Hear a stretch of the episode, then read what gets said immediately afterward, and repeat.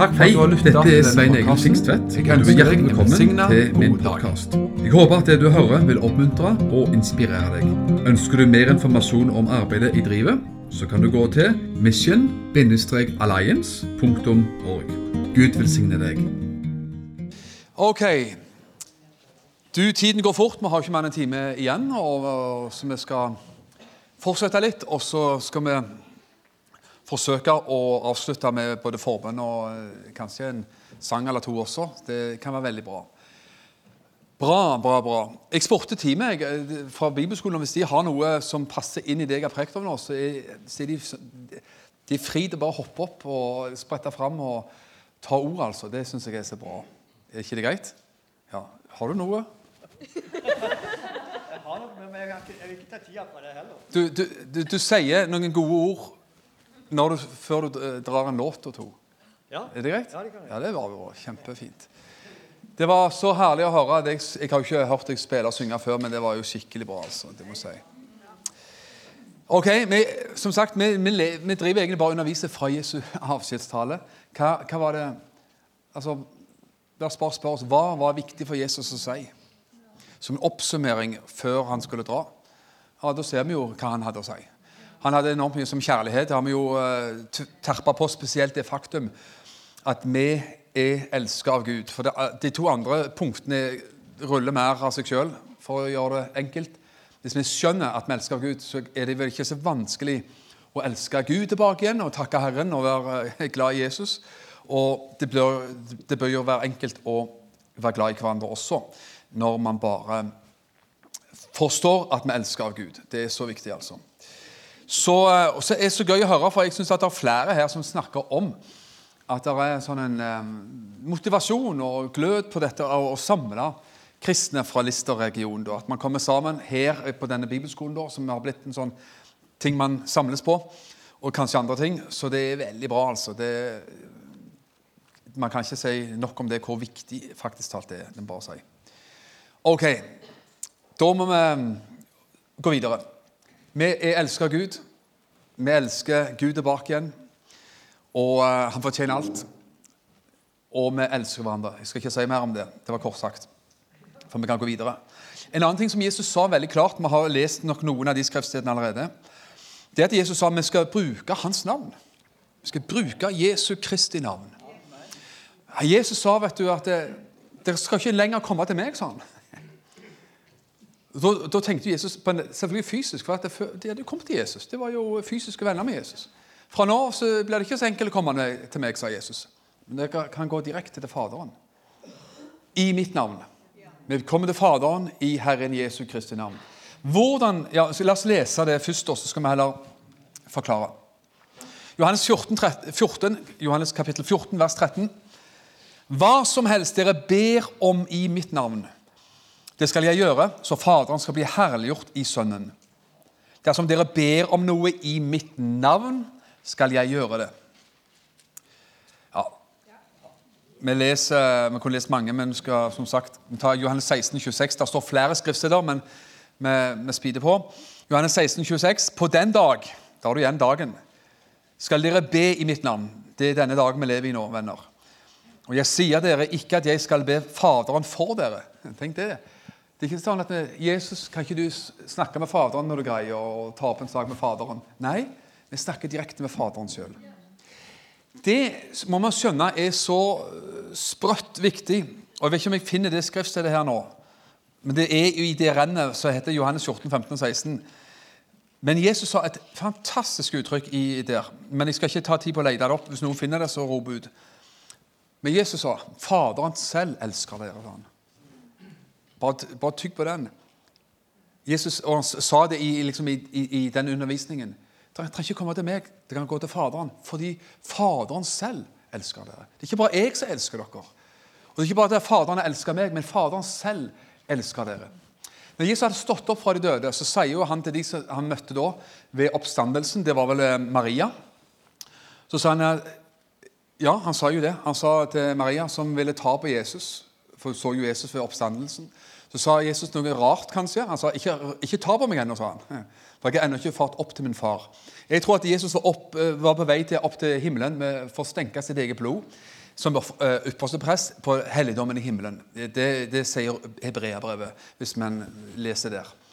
Men greia er uansett Men han sa til denne dama, Maria Magdalena Men si, ikke ta på meg, for jeg har ikke dratt til himmelen. Men hils, stikk til disiplene mine og si Jeg drar, sier han, til min Gud og deres Gud, min far og deres far. Så kan du bare se hvordan Jesus har inkludert oss i forsoningen. Han har dratt oss inn og inkludert oss i sitt forhold til Faderen. Jeg drar til min Gud og deres Gud, min far og deres far. Jesus er jo, kalles jo flere plasser for den førstefødte av de døde. Førstefødte. Hva var det? Jo, Jesus var en gang den førstefødte. Det er han jo. Og eh, du og meg, Bare Jesus er Guds enbårne sønn for øvrig. Men vet du hva? Sagt på litt sånn tablo, tabloid måte så er det sånn at før korset så hadde Gud bare én sønn på Jesus. Men nå han er en høy eller haug med sønner og døtre. Det er Bibelens budskap. Min far og deres far, sa Jesus. Han er førstefødte blant mange. Han er førstefødte blant mange søsken. Så du er tatt inn i søskenflokken. Prise Gud. Det er fantastisk hva Gud har gjort. Vi er med i Guds familie. Amen. Så er vi bedt om å bruke navnet Jesus. Hvorfor er vi bedt om å bruke navnet Jesus? Og Det er jo viktig å forstå kraften i navnet Jesus. Det er jo som at du får liksom et stempel, godt gammeldags stempel der du kan stemple på søknaden hver gang du ber Jesus istedenfor ditt navn. Så bruker ditt navn, så, du, så er det ikke mye gjennombrudd i det. vet du. Det er ikke mye, det er ikke mye hente av velsignelse i ditt eget navn. Bruker du eget navn, så har du mer gjeld å betale enn at du får noe tilbake. Da skylder du noe. Men bruker du navnet Jesus, stempelet til Jesus, hans, du har fått hans signaturrett, som gjør at det, det kobler deg til forsoningen, Jesu frelsesverk. Det er viktig å skjønne. Et ordspråk Jeg vet ikke hvor det står, men jeg tror det er 22. Men det får du lete sjøl hvis du vil. Ordspråket La oss si 22, da. Tok en sjanse. Et godt navn står det i hvert fall, er bedre enn sølv og gull og ha godt navn. Jesus har et utrolig godt navn. Og eh, Du og meg bør ha et godt navn. Ikke på samme måte som Jesus, at det er ikke frelse i vårt navn, men vet du, ha et godt navn på den måten at hvis du sier en person har et godt navn, så vet du det er han eller henne kan du stole på. Han eller henne er en, en hel ved, som man sier. Skikkelige folk. Da har du et godt navn. Så jeg sier navnet et eller annet ja, jeg kunne sagt navnet moder Teresa så skjønner du at det er et greit navn. Det, det, hun gjorde ikke så mye galt. Hun gjorde mye godt. Sier jeg Saddam Hussein, så, det, så klinger det dårligere. Med to, liksom, to ytterpunkter. Man kan si et navn på en eller annen person, så tenker du enten positivt eller negativt. Kan du bare si navnet på han som er president i Amerika. Så Noen sier juhu, andre sier ikke det. Andre sier helt det motsatte. Og Det er ikke heller diskusjonen her i dag. Men så er det å ha et godt navn viktig. Jesus har et veldig godt navn. Og skal vi lese Filippa-brevet 2, vers 6-11, og skjønne hvorfor Jesus har et navn. Du, sånn, rent sånn språklig vet du, så er det jo mange i, i spansktalende land som heter Jesus. Ja, det det finnes fotballspillere vet du, fra Argentina eller Brasil som heter Jesus. Det er ikke kraft i deres navn. Det er ikke frelse i deres navn. Det er ingenting i deres navn, utenom at de er gode og spiller fotball eventuelt. Men Jesu Kristi navn, Jesu Nasareerens navn, det duger veldig bra. Filippene 2, vers 6-11 sier det er jeg også faktisk, Filippene der er jo en del av frelseshistorien som er i komprimert form på fire-fem vers. Hør her. Han, altså Filippene 2,6, han, Jesus, som var i Guds skikkelse det, det når han var i himmelen, han holdt det ikke for å tilrane et gode å være lik Gud. Han var lik Gud, han var Gud og var i himmelen. Men så står det etterpå han uttømte seg selv, eller han ga avkall på det, sier en annen oversettelse. Han ga avkall på det, han uttømte seg selv og tok på seg en tjenerskikkelse og kom i menneskers likhet. Altså Han var i himmelen, men tok turen ned. Han tok på sin tjenerskikkelse avkledde seg om du vil, sin guddommelige majestet og tok på seg menneskers skikkelse og likhet og tjeners skikkelse. Og så står det og da han i sin framtreden var funnet som et menneske Det er jo det du leser med Matteus, Markus, Lukas, Johannes. Han levde som et menneske og virka som menneskesønnen, salva av Den hellige ånd. Så, vers 8, fornedret han seg selv og ble lydig til døden. Ja, til døden på korset. Og Der har du liksom historiens midtpunkt. Han døde på korset for oss. Og så står det et herlig ord etterpå, og det er ordet 'derfor'. For Hver gang du finner ordet 'derfor', så kan du komme med et motspørsmål, og det er 'hvorfor'. Derfor forklarer jo noe som har nettopp blitt sagt, og understreker og linker sammen det som har blitt sagt. Derfor har også Gud høyt opphøyet ham og gitt ham navnet som er over ethvert navn. Da har du navnet Jesus. Hvorfor har Jesus et sånt et navn? Hvorfor sånn at navnet Jesus er annerledes enn Jesus-navnet til en fotballspiller? På grunn av dette. Han var i himmelen, han kom ned, levde som et menneske, gikk til korsen, korset, døden på korset. Og derfor har han fått et navn. Derfor har han opphøyd, og han har fått et navn som er over ethvert navn. Altså pga. forsoningen, verket på korset. For at i Jesu navn skal hvert kne bøye seg, dere som er i den himmelske verden, og dere som er på jorden, og dere som er under jorden, og for at hver tunge skal bekjenne at Jesus Kristus er Herre til Gud Faders ære. Det har du begrunnelsen for hvorfor navnet Jesus, Nasareerens navn, er så annerledes. Og tenk, Når du bruker Jesu navn, så kan du tenke på korset, tenke på oppstandelsen. Tenke på det han har gjort, og vite at du bruker et navn Altså det han kjøpte og betalte for oss. Det er sånn du sier, 'Far, jeg takker deg og ber i Jesu Kristi navn'. Ikke mitt eget navn, ikke pga. min svette og min melkesyre og det jeg har strevd for, men pga. Jesu navn og pga. Jesu blod. Det han gjorde, og det han var, og det han er. Derfor kan man bruke det navnet. Og det er kraft i navnet Jesus. Nå har vi brukt, snakket en del om hvordan eh, ting som var viktige for Jesus å si. Kjærlighet har vi snakket mye om. Denne, Jesus snakket om på den dagen, altså introduserte en ny tid, og det lever vi nå. Så, og Han sa vi skulle bruke Jesu navn. sa Han Han, sa, snakket om Den hellige ånd. Hellige ånd skal overta jobben og gjøre jobben osv. Vi lever der nå. Og det har gitt oss enorme muligheter. sant? Så er det en ting på slutten som Jesus sier, som ikke er så hyggelig, men nødvendig. Og Det er viktig å si, for at Jesus, jeg liker Jesus. Han var ærlig, realistisk. Han, var, han sa det sånn som det var. Og da sa Jesus ganske ettertrykkelig at det også i sida av saken det er at verden vil hate deg og meg. Ja, Det var ikke, det, det var ikke akkurat fest, festivalstemning på det. Men det er sant. Og vet du hva? Det var maktpåliggende for Jesus faktisk å si at verden kommer. Det er noe med verden og verdens ånd selvfølgelig, som gjør at den vil gå imot dere, og den vil hate dere, og det vil være en åndskrig og en åndskamp på det. Og Hvis det var viktig for Jesus å si det, at da må det være viktig for oss å løfte det fram. For Jesus brukte ganske mye spalteplass på det. La meg lese Johannes 15 vers, fra vers 18 og lese en del vers, sånn at vi får sammenhengen. Jesus sa, 'Hvis verden hater dere, så, vit, så vet dere at den også har hatet meg før den hatet dere.'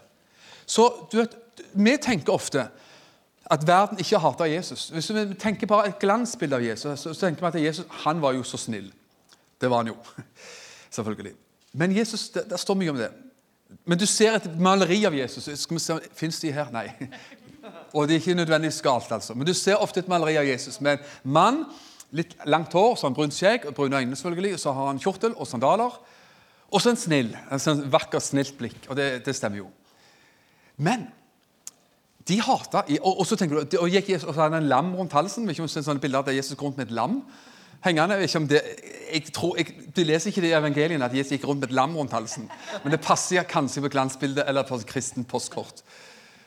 Men du ser for deg at Jesus står med et lam og valser rundt og bare er snill. og Fint blikk hadde han, og, og bare var god og helbreda mennesker. Ja, han helbreda mennesker, og han tilga mennesker de synd. Men, og så tenker vi at alle elsker Jesus. Alle, alle, måtte jo bare elske Jesus til enhver tid. Mange gjorde det, og mange, de som ble forandra av han, elsker han. Men det er også en del folk som hata Jesus. De ville steine han. De hive han utfor et stup. De la planer igjen igjen. De sier de planer og hadde komiteer på å drepe Jesus. De, tenkte, de la planer, strategi. Hvordan skal vi få dette til nå? Hvordan skal vi arrangere et drap på denne Jesus? Det var det de gjorde. Vel, vi vet bakom det hadde Gud en plan, men det hadde ikke de.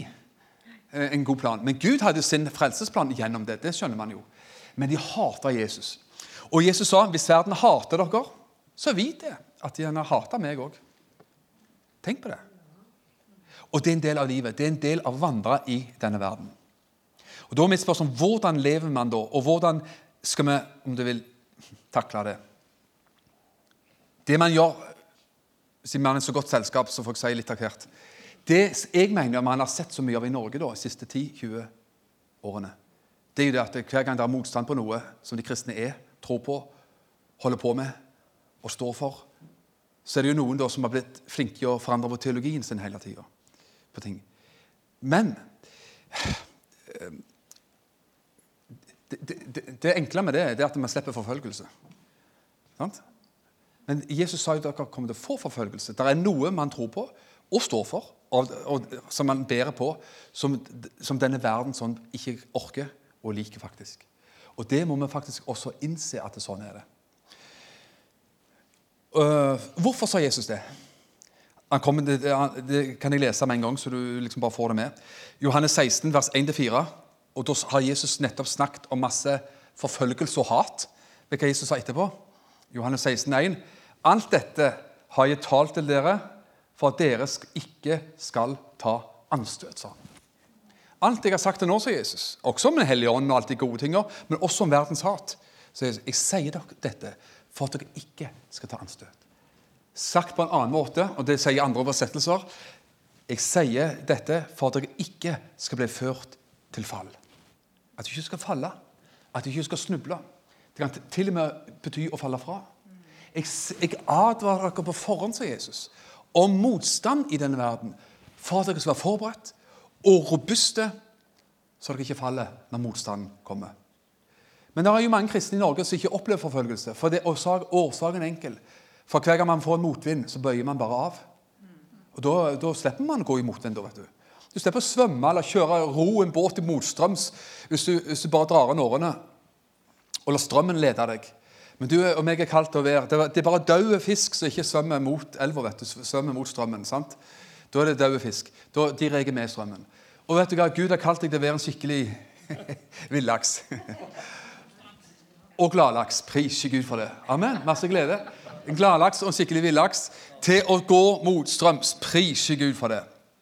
Hør hva Jesus sier igjen eh, Johannes 15, vers 19. Hvis dere var av verden, ville verden elske sitt eget. Altså ville, Verden ville elske oss hvis vi var av verden. Fordi dere ikke er av verden, men fordi jeg har utvalgt dere av verden. Derfor hater verden dere. Det er, der, har du, der har du klar tale. Skjønner du og meg er i verden. Det står det også, men ikke av verden. Vi er nødt til å skjønne hvem vi er i Kristus, og hva vi har, og hva vi er kalt til. Jeg er i verden. Jeg elsker verden på den måten at jeg elsker menneskene i denne verden. Men er en, jeg, jeg er kalt Jeg var i verden en gang før jeg ble frelst, så kalte Gud meg ut av denne verdens system. Sant? For å leve for et, i og for et annet rike. Så jeg i denne verden, men ikke av verden. Fordi at jeg er plass- er plassert i verden, så er jeg en Guds ambassadør i, på fremmed mark, egentlig. Og da, jeg, da, da blir det kollisjon mellom to verdener og to kulturer og to verdisett og trossett og alt hva det er. Det må vi skjønne for å være, som Jesus sa, robuste, som ikke fører oss til fall. Og du og jeg kjenner for mange som har ført til fall, eller som har bøyd av på alle kanter, kanskje, og, og som, ikke har, eh, som ikke fører noe godt med seg i det hele tatt. Vers 20. Husk det ordet jeg sa til dere. En tjener er ikke større enn sin herre. Og I den sammenhengen så er det vi som er tjenere, og Jesus som er herre. Er du enig i at den som er sjef og den som er herre, står over tjeneren? Okay? Jesus er sjefen og bossen og, tjeneren, eh, og herren med tjenerne. Og Jesus sier da hvis dere har forfulgt meg, som er sjefen, tror dere at dere skal slippe billigere unna? Det han sier. Hva er det du tror? Hva er det du innbiller deg? At du tror at du skulle slippe enklere unna? Har de forfulgt meg, så vil de også forfølge dere, sa Jesus i vers 20. Og sier- Han sier også har de holdt mitt ord, så vil de holde deres ord. Det fins mennesker som vil holde våre ord, tro på våre ord, tro på evangeliet. Det fins andre mennesker som ikke vil det. Men alt dette skal de gjøre mot dere for mitt navns skyld, siden de ikke kjenner ham som har sendt meg. Hadde, de ikke kommet, hadde jeg, ikke jeg kommet og talt til dem, ville de ikke hatt synd. Men nå har de ingen unnskyldning for sin synd. Den som hater meg, hater også min far. Hadde jeg ikke gjort gjerninger blant dem som ingen andre har gjort, ville de ikke hatt noen synd. Men nå har de sett dem, og de har hatet meg, både meg og min far. Men dette skjedde for at det ordet skulle bli oppfylt, som er skrevet i deres lov. De hatet meg uten grunn. Og så går Jesus videre, og hva snakker han om? Da sier han akkurat det som jeg allerede har, eh, har sagt. At alt dette har jeg sagt for at dere ikke skal ta anstøt. Tenk det. Skal ikke ta anstøt. Alt det her som han har snakket om. Både om forfølgelse og alle andre ting.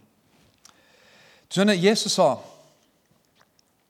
Verden du, Der har du igjen dette av og til litt vrengebildet man kan ha av Jesus.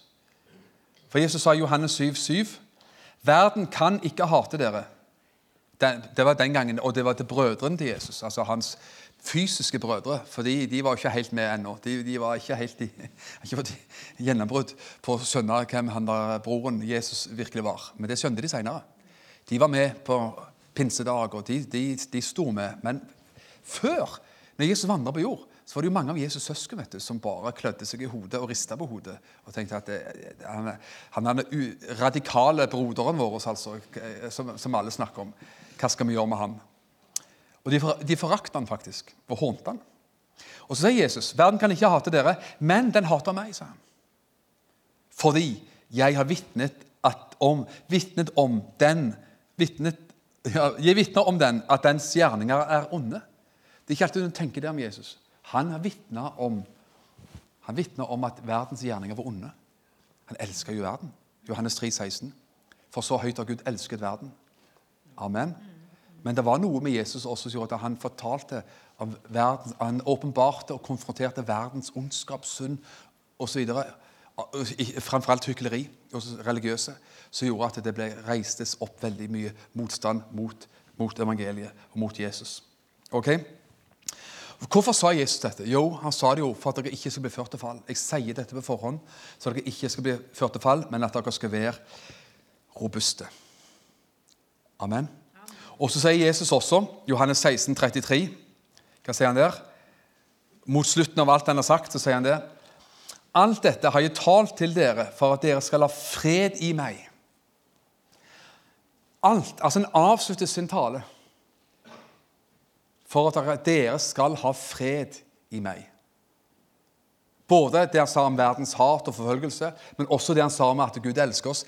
Kan du se at Jesus hadde en enorm bredde i forkynnelsen? Faderen selv elsker dere. Dere elsker Gud. elsker Gud. Han snakket masse om kjærlighet. Men han sa også Gud, Faderen elsker oss, men det er en verden som hater oss. Og Vi kan heller ikke være i stand til tror jeg, å møte verden sånn vi burde møte verden, hvis vi ikke skjønner at vi elsker Gud. Så, så Derfor er det så viktig at man har det. For, og det er viktig å, å ta det i rett rekkefølge. Kjærligheten først, hatet etterpå. Kjærligheten fra Gud først. Verdens hat kommer jo uansett til å, å, å si, prege oss. Eller, eller vi kommer til å kjenne den motstrøm, motstrømsen der.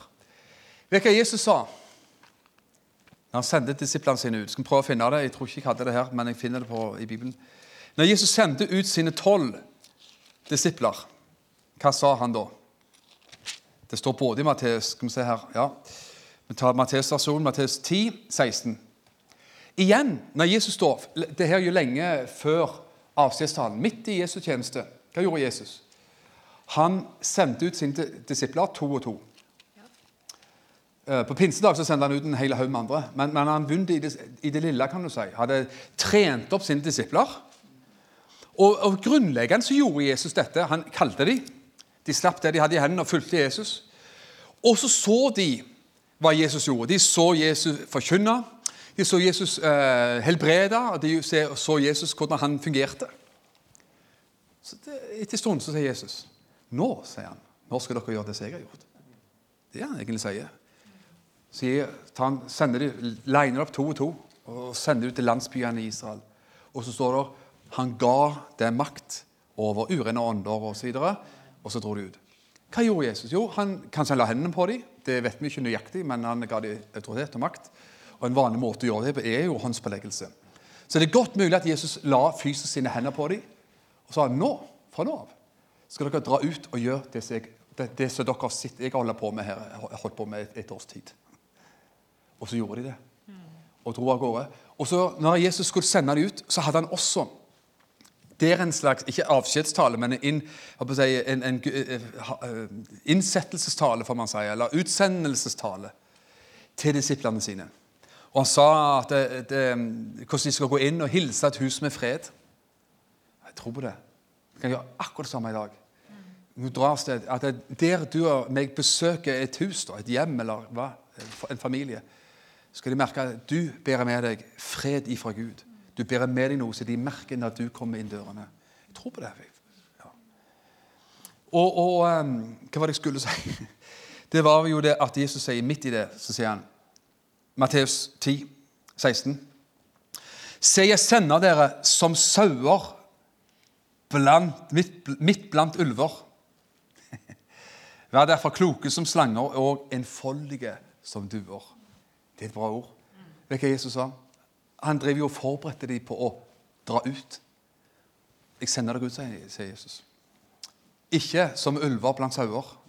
Tenk så hadde det vært så kjekt hvis du var ulven og de var sauene. Men problemet er at det er motsatt. Det er jo utfordringen. Han sa sender dere ut som sauer blant ulver. Så vi som sendes ut, er sauene. Og de vi sendes til, sa Jesus, er ulvene. Og da skjønner du at det, er jo, eh, det kan være et, et rått parti. Men Jesus sa han hadde en god løsning på det. da. Vær derfor kloke som slanger og enfoldige som duer. Det er bra sagt. Klok som en slange. Listig, eller du sniker deg rundt som en slange. Troskyldig som en due. Du skal både litt slangestil og litt duestil. Det, du kan se Paulus også hadde det, faktisk. Han brukte sin romerske borgerrett når han kunne det. Han, han, han visste hvordan han skulle kommunisere og, og, og, og gjøre, gjøre, ting. På en måte som gjorde at han klarte liksom å, å åle seg fram med evangeliet. Amen. Ikke på en kompromissmåte, og sånn, kompromissmessig måte, men han gikk fram. Han visste at han møtte onde mennesker, motstand og det ene og det andre. Han møtte ulver, og han var en sau, tydeligvis. Og det er du og meg òg. Men han, Jesus sender oss ut som sauer blant ulver. Men det skal gå bra likevel. Men ha visdom og vær klok som en slange og enfoldig som ei due. For det fins en verdens hat der ute som gjør at vi er nødt til å være fremodige, sterke. Mitt spørsmål til deg og meg er Går det an, i 2020 til og med, jeg er klar over at eh, kalenderen sier 2020.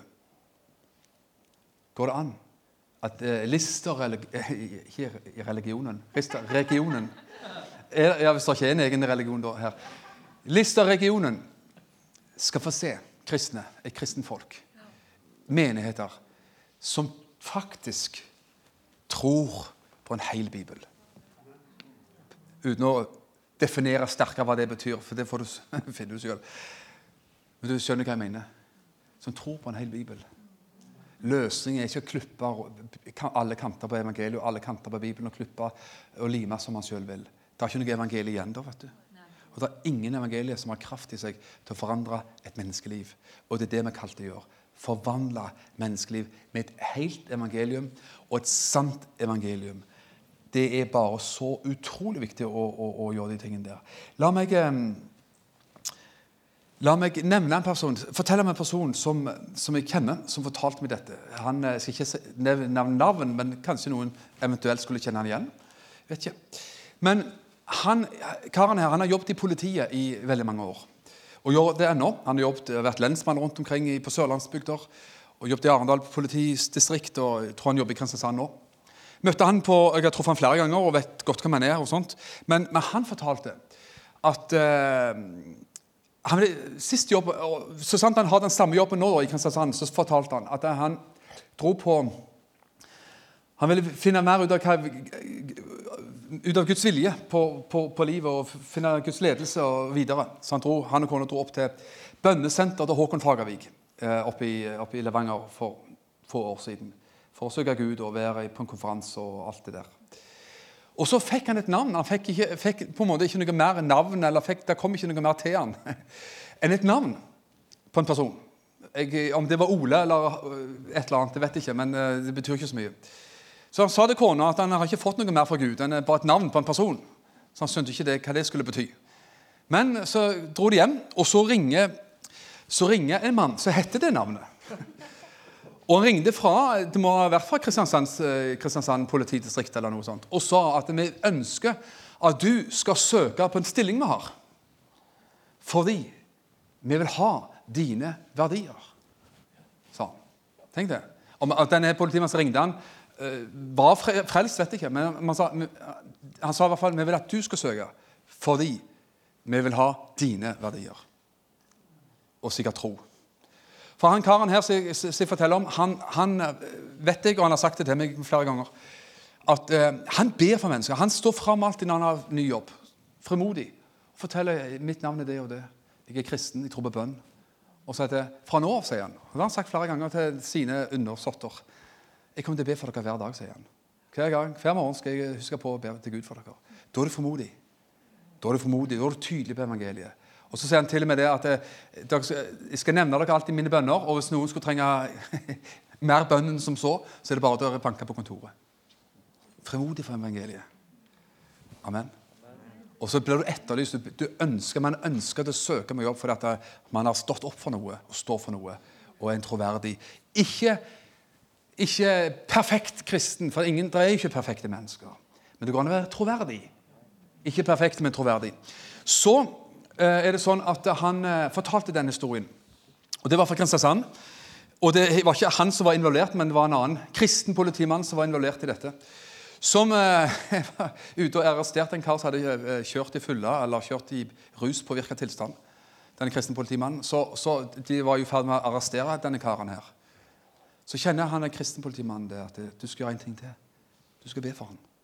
Så det, det er ikke det. at du får en, sånn slags, en sånn type håndspåleggelse av en politimann er bra. Det er ikke bare for en annen type håndspåleggelse. Så jeg fikk dobbel, dobbel håndspåleggelse. Så han ba for ham, og mannen ble umiddelbart nykter. Og er i dag frelst. Det er fantastisk. Slike politimenn vil gamle Norge ha. Amen. Det er bare et eksempel på hvordan kan våre liv, hvordan skal og burde og kan våre liv se ut i vår hverdag. Utsendt. For du er en bærer av Guds fred, du er en bærer av Guds kjærlighet. Du er, du er en bærer av noe som gjør at man kan få lov til å være en annerledes person. Du bærer med deg noe. Det er en person i Bibelen skal lande mot slutten, skal bare ta det veldig på, på kjapp, eh, kjapp muntlig. En kar som heter Daniel i Bibelen. Daniel, Har du hørt om Daniel? Daniels bok? Han er bra. Jeg var på vei, faktisk. Jeg fikk en sånn en tilskyndelse en gang for uh, no, noen år siden, fem-seks år siden. Jeg var på vei fra Nepal og hjemover. Og la, Da var det jo mellomlandet i Dubai, tipper jeg det var. En av de landene der. Og så står det på skjermen når jeg skal inn i flyet hjemover til Amsterdam, at det var, var terrorattakk i, i, i Paris og, og sånt. Og akkurat når jeg så det der, sånn, så fikk jeg en sånn sterk innskytelse og tiltale faktisk fra Gud. Når jeg så den rulleteksten på skjermen når jeg var på vei inn i flyet. Gå hjem når du kommer hjem, studer Daniels bok. Gå inn og les og studer Daniels bok. Og det gjorde jeg. Jeg kunne ikke egentlig si, komme fort nok hjem og åpne Daniels bok. For å studere livet til Daniel, for det var fantastisk. Du og meg er kalt til å være utsendt i hvilken som helst omstendighet og verden. Klok som slange, troskyldig som due osv. Daniel var litt sånn, ser du. Han, ble, han var vokste opp i en jødisk overklassefamilie i Jerusalem.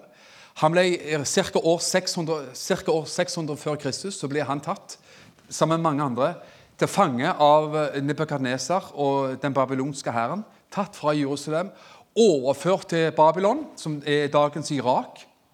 Og Der var jo Daniel da, med flere andre, satt til å tjene ved kongens hoff. Ikke sant? Og så ser vi jo da hvordan Daniel vågte å leve annerledeslivet fra første stund av. Jeg tror på sånne du, du, du, Vi kjenner jo sangen. Våg å stå som Daniel. Det er, det er en bra sang, altså. Sikkert en barnesang, men uh, det er en fin tittel. Våg å stå som Daniel. Så ser vi at det første kapitlet, det er vel, tror det første kapitlet, det står for det første at Han ble opplært tre år bare for å lære seg å være en ordentlig hoffgutt. Til å gjøre jobben rett så fikk de mange års opplæring. Og så skulle de da tjene kongen og være munnskjenk og stelle og stulle med ting. Så Det første som vi kan lese om, er at Daniel og hans venner sier det, foreslår for kongen at vi vil gjerne spise en annen mat. Ikke spise kongens mat og drikke kongens vin. De, sa, de, vil antagelig følge sine egne gammeltestamentlige spiseråd. Og, og, og utfordre kongen og sa gi oss noen dager på dette. Var det ti dager, tro? Så ikke, så ser vi ikke vår mat, vår kosthold, vår diett duger bedre. ja. Veganer, vegetarianer, jeg vet ikke hva de var, men noe var det, og bra ble det i hvert fall. Og hvis Bare der kunne kongen blitt steinsur. Men det var jo gjerne fordi han hadde tre års opplæring da, at han ville ikke liksom kaste bort alt. ved å hogge hodet av dem. Men de fikk prøve seg på det. De, de vågte å være annerledes. De vågte å leve og stå for noe annet og leve annerledeslivet. Når du velger, og jeg velger å leve annerledeslivet fordi at du, ikke, du er i verden, men ikke av verden, da er det alltid noen som vil forakte deg, som sier at du er opprørsk, du er hovmodig, du er stolt, du, du er utbryter, du, du, tror du er noe, og du får den leksa der. Forakt. Men det finnes også mennesker som vil innerst inne beundre deg og respektere deg for at du våger å være annerledes. Norge trenger annerledes kristne som står på Guds ord. På, ikke bare, også det, for det har jeg jo sagt allerede, om du vil, bare, om du vil moralsk. Amen. Men også i kjærlighet. Også i sinnelag. Også i betjene mennesker. Også bringe Guds fred og kjærlighet og evangelisk kraft ut til mennesker. Også sånn som denne politimannen i Kristiansand. Skjønner du? Som ikke bare er liksom en moralrytter, men som er full av det som Gud vil vi skal være full av.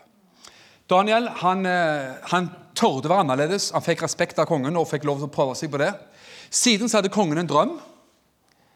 Den drømte den svære statuen, og, og, og, hodet var av gull, og det representerte ett rike. Og så var det skuldrene, partiet, som representerte et annet rike av, av sølv. Og så gikk de ned til føttene til slutt. Altså fire-fem forskjellige eh, eh, verdensriker som skulle komme. sant? Deriblant det romerske verdensriket, her, eh, imperiet. Og så, når kongen drømmer den drømmen der sånn, Han først drømmer bare statuer og masse ting som skjedde i den drømmen. Så sier kongen til sine egne magikere okkulte tydere. Og sa dere skal tyde, sa han. Min drøm, sa han. Jeg har hatt en drøm i natt, som jeg er nødt til å ha tydning på. Men så sa kongen men før dere tyder, så skal dere fortelle hva jeg har drømt. Det er jo verre, da. Altså, Én ting er å komme med en tydning. vet Du Du har tyder, og så håper du at det går greit. Men kongen sa fortell først hva jeg har drømt, og så skal du fortelle hva tydning. Det sa de. Det går ikke, konge. Ja, Da, da har dere et problem, sa kongen. Da det hodet av. Og der igjen så løper Daniel til seg i Bibelen og, ned, eh, og, og går mellom disse magik, til og med magikerne som var i ferd med å miste livet, og kongens embetsmann som trua med å ta livet av dem. Og så sier Daniel jeg skal søke min Gud for å få svar. Om ikke sagt med mine ord, om ikke de eh, karene her duger, skal jeg søke meg og mine folk skal søke vår Gud. Abrahams, Isaks og Jakobs Gud for å få tydningen på drømmen. Og gjett om de bare. Gjett om de kjente at det, det er mye som står på spill. For det var ikke bare å komme med, en tydning. De måtte også fortelle hva som har skjedd i drømmen. Og så Litt senere kommer de til kongen og sier at du drømte en svær statue. Hodet var gull, og brystpartiet var sølv, armene av sølv, og så var det magepartiet, og så var det føttene osv. Og det representerer fire verdensriker. Ok, Det er en del av historien vår som vi kunne gått inn på. Men så sier Daniel en ting til. Og kongen var jo måpte jo. Så sier Daniel det er én ting til i drømmen som du drømte, konge. Ikke bare denne statuen. Men det var et svært fjell. Statuen sto med et sånt svært fjell. Og så var det en diger sånn stein som løsna fra fjellet. Det er jo typisk i Norge da, at det kom en del sånne blokker ned. Nordvestlandet. Så kom det en sånn svær steinblokk som løsna fra fjellet, og traff statuen og knuste statuen kom fullstendig sønder sammen. Så det ble til støv. Og vinden blåste alt sammen bort. Og så vokste den plutselig den steinen opp, den som hadde kommet over statuen. Den vokste og ble til et stort fjell sjøl. Og så sier Daniel det betyr at en dag så er det et rike som kommer til å overgå alt annet. Alle verdensriker, alle herredømmer, alle imperier. Og det er Guds rike. Som kommer og kommer til å og knuse fullstendig alt annet. Det har ikke vi sett til fulle, men vi, sett, vi, vi ser egentlig bruddstykker av det, om du vil, ved at når evangeliet går fram. Men selvfølgelig vil det komme på en helt annen dimensjon seinere. Og så ser vi videre hvordan Daniel ble brukt av Gud på forskjellig vis. La meg nevne to eksempler til. Senere, Han gjorde seg så bemerka, han var så respektert. for å si det sånn, Kongen ville ha hans verdier. Så han, han hadde fremgang i, i, i staben hos kongen, hos kongen. Sånn at andre mennesker blir misunnelige på, på Daniel. Det, det, det, er for galt at en jødisk slave skal, skal liksom slå knockout på alt sammen her. Så de tenkte la oss, få, la oss gjøre noe glupt nå. La oss få kongen til å underskrive en lovverk som sier at det ikke er lov til å be til andre guder enn kongens religion. Den oppleste og vedtatte gudsdyrkelsen i Babylon. Det ekskluderte Abrahams gud, Israels gud. sant? Og jo, kongen signerte og syntes at det var en grei idé, og så leser Daniel det der, skriver lovverket. For nå er det forbudt for meg å tilbe noen annen gud. Hva gjorde han da? Forbudt å be til min Gud. Abrahams Gud, Isaks Gud, Jakobs Gud. Hva gjør jeg nå? Nå jeg, må jeg be til enten til selve Nebukadneser eller til hans, hans Gud og hans gudsdyrkelse. Vel, han gjorde i hvert fall ikke det som mange nordmenn ville gjort. Hva Han gjorde? Han leste det. Så gikk han rett jeg tror det er kapittel 6, Daniel 6, gikk hjem på rommet sitt, kammerset sitt, og gjorde det han alltid gjorde sier Bibelen. Tre ganger daglig åpna han opp vinduene, lemmene eller hva det var på, på, på, på leiligheten, mot Jerusalem. Og priste og tilba og ba til sin Gud, uten å be om unnskyldning for det. Du vet at Vi nordmenn ville gjerne funnet en middelvei, selvfølgelig. For vi skal jo ikke tross alt fornekte Gud. Det, var jo litt, det ville vært litt for gale. Men vi hadde vel gjerne tenkt at vi kan jo be litt lavt, i det minste. Vi kan jo gjøre det under dyna. Vi kan liksom roe oss litt ned og oppføre oss fint blant folk. Oppføre oss som folk. Daniel, Daniel var ikke norsk, vet du. Det, det, det, er problemet, altså. Han var ikke norsk. Så han fortsetter som før. Han kunne i hvert fall holdt vinduene eller dørene igjen. Se lemmene på huset. Men han åpner opp, som alltid. På samme vis så vendte han sitt blikk mot Jerusalem, priste og tilba Gud som før. Med det påfølgende straffen at han ble hevende i, Daniels, i, i, i løvens, ikke Daniels hule, men løvens hule. Og Gud redder han. Så det er en ting, historie til som er fantastisk om Daniel. Kongens, eh, kongens eh, sønn, var det vel, som hadde en fest med vennene sine. Det var jo med embetsmenn på høyt nivå i landet, så det var hundrevis. De hadde fest. Julebord, kanskje. Og det står det De spiste og drakk av de, til og med de kopper hva de hadde stjålet i tempelet i Jerusalem. Så, så si, frekkheten hadde, jo, hadde, ingen, hadde ingen grenser. Og så kom denne hånda, denne fingeren, som skrev på veggen. De fikk skriften på veggen og ble vettskremte. De ble edru på et øyeblikk, sikkert. Og da kom de på det er jo en kar. Vi har jo våre egne magikere som er av varierende kvalitet. Men det fins en annen kar som heter Daniel. Og de kalte på Daniel. Og vet hva de sa? Kongens eh, sønn sa, En av kongens etterkommere sa Hvis du kan gi tydning på skriften på veggen, så skal du få gull og sølv og forfremmelse i riket. Du skal få bli kledd med festdrakter og sølv og gull og alt du trenger. Rikdommen, skattkammeret åpnes for deg, Daniel, om du kan gjøre dette for oss. Det er fantastisk, det som Daniel sier. Beklager at jeg ikke finner det fram, men du får lese det sjøl. Sølvet og gullet kan du ha for deg sjøl, sa han. Han lot seg ikke kjøpe. Jeg, jeg, jeg, har vi reist til utlandet noen ganger, så ser vi at det er, det er nok å ta tak i når det gjelder korrupsjon, også blant mennesker som jobber i menighetsliv. Kristne ledere og alt mulig. Dessverre så er det sånn. Hvor er det sånn en Daniel? Skal du og meg være en sånn som våger å stå som Daniel? Og si at jeg, jeg lar meg ikke kjøpe på den ene eller andre måten. Når det gjelder å bli kjøpt med penger, bli kjøpt med smiger, bli kjøpt med sølv eller gull, bli kjøpt med noen ting som helst. Jeg kan ikke kjøpe, Min tro kan ikke kjøpes. Jeg selger ikke min tro for verken sølv eller gull eller noen ting annet. Det jeg tror, det tror jeg. Så enkelt er det. Det jeg er kalt det, ja, det gjør jeg. Priser Gud. Han kompromisser ikke på sin tro, men han fortsatte å be til Gud når det ble forbud mot å be til Gud.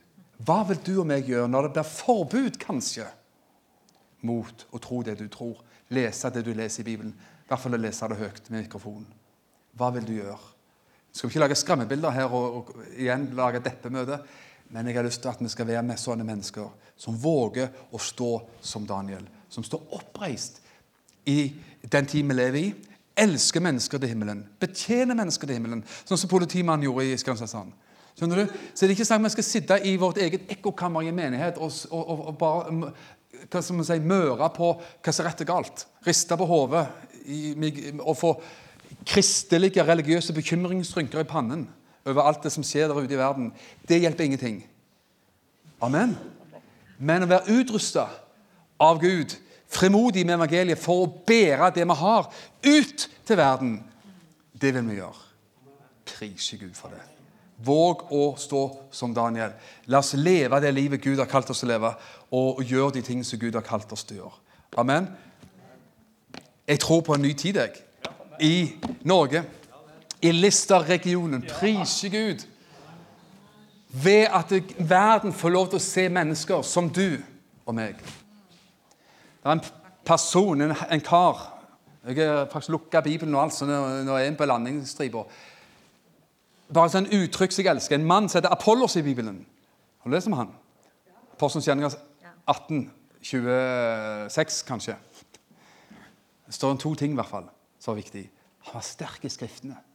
Apollos han var sterk i Skriftene. Skjønner du og meg må være sterke i Skriftene.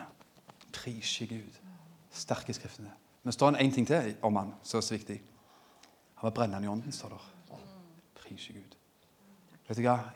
Kristne i Kvinesdal og områder i Norge som er sterke i Skriftene og brennende i ånden, og så har noe å gi til mennesker. Amen. Full av Guds kjærlighet og full av Guds kraft til å hjelpe mennesker ut av det uføret som mange mange mennesker befinner seg i. Far i himmelen, vi bare ber om at de ord vi har delt her i dag, Herre, skal være til velsignelse. Skal tenne oss, Herre. Vi kjenner, Fader Gud, at vi er tent med hellig ild fra himmelen. I Jesu Kristi dyrebare navn. Vi bare ber at når vi ennå har noe tid her, så bare ber vi, Herre, at du skal berøre Berøre våre liv. Berør oss med ditt liv, med din ånd, med din ild, med din kraft. I Jesu Kristi navn, Herre. Gud, sånn at ut fra denne la oss kalle det torsdagsbibelskolen, den deltidsbibelskolelinja, Herre, kommer så mye sterkt, kommer, kommer så mye bra, Herre. At det, det kommer liv, ny glød, nytt liv inn i menighetene i Herren Jesu Kristi dyrebare navn. Far, jeg takker deg for det i navnet Jesus. Halleluja. Jeg kjente bare en ting tidligere her i dag, så jeg har lyst til å si at jeg tror at Gud vil at noen skal legge fra seg sorg. Sorg. Faktisk noe så, så jeg kjenner så sterkt på det eh, en, en, en, en sorg Du har vært i en sorgprosess eller sorg, en, en periode av sorg av at noen har også litt sterke tap i livet. Du har tapt ting. Du har mista ting. Ting har blitt tatt fra deg i ditt liv. Jeg vet ikke hva det er, om det er at noen har gått bort, altså dødd og gått bort, at sånne ting har skjedd, eller andre ting. Men noen som går på sånn ta, ber på sånne tapssorg i livet. Og jeg tror at denne dagen skal bli et vendepunkt for deg. Der du får legge faktisk sørgedrakten vekk. Legge sørgedrakten til og kjenne at Gud gjør det i sin nåde. At det sørgedrakten og opp seg, eh, liksom, sekk og aske, som Bibelen kaller det, blir lagt bort, faktisk. Og at du får lov i dag å ta på deg lovprisningsdrakt i Jesu navn. Du spytter klær, faktisk, av mørke sørgeklær, og få tatt på deg lyse lovprisningsklær i åndelig forstand, som gjør at du kjenner at, det, at du får gå med en helt ny optimisme og, og, og sorg Sorgbetyngelse skal, skal vike fra ditt liv her i dag, i Herren Jesu navn. Far, jeg bare ber om at du skal berøre som vi har lest så mye også om, Herre, at alt begynner egentlig det begynner å, det, det står og faller ved åpenbaringen om din kjærlighet. At vi skjønner at din kjærlighet er der, Herre, for å styrke våre liv, utruste våre liv, løfte våre liv, Herre, på et sånt sett, Herre, at vi bare vet at vi vet at vi vet at vi elsker deg, Herre. Og kan være bærer av noe, Herre. Ja, like inn i kongens slott. Være bærer av noe når vi har blitt tatt fra, fra Jerusalem over til Babylon, Herre, så kjenner vi at vi bærer med oss likevel livet fra Jerusalem. Vi bærer med oss livet fra Guds rike når vi er plassert over til å traske i denne verden og, og vandre rundt i kupert terreng i denne verden, Herre. Men vi bærer med oss evangeliet, vi bærer med oss Guds fred og vi bærer med oss Guds kjærlighet i Herren Jesu Kristi dyrebare. Takk skal du ha for det. I navnet Jesus. I navnet Jesus. Amen. Kan vi reise oss opp og så ber vi litt, og så skal vi også få en sang eller to av vår gode bror her, Johan. Så vi kan bare komme fram, Johan, og, og uh, stemme opp herpå. Det er bra, det. Takk for at du har lytta til denne podkasten. Jeg ønsker deg en velsigna god dag.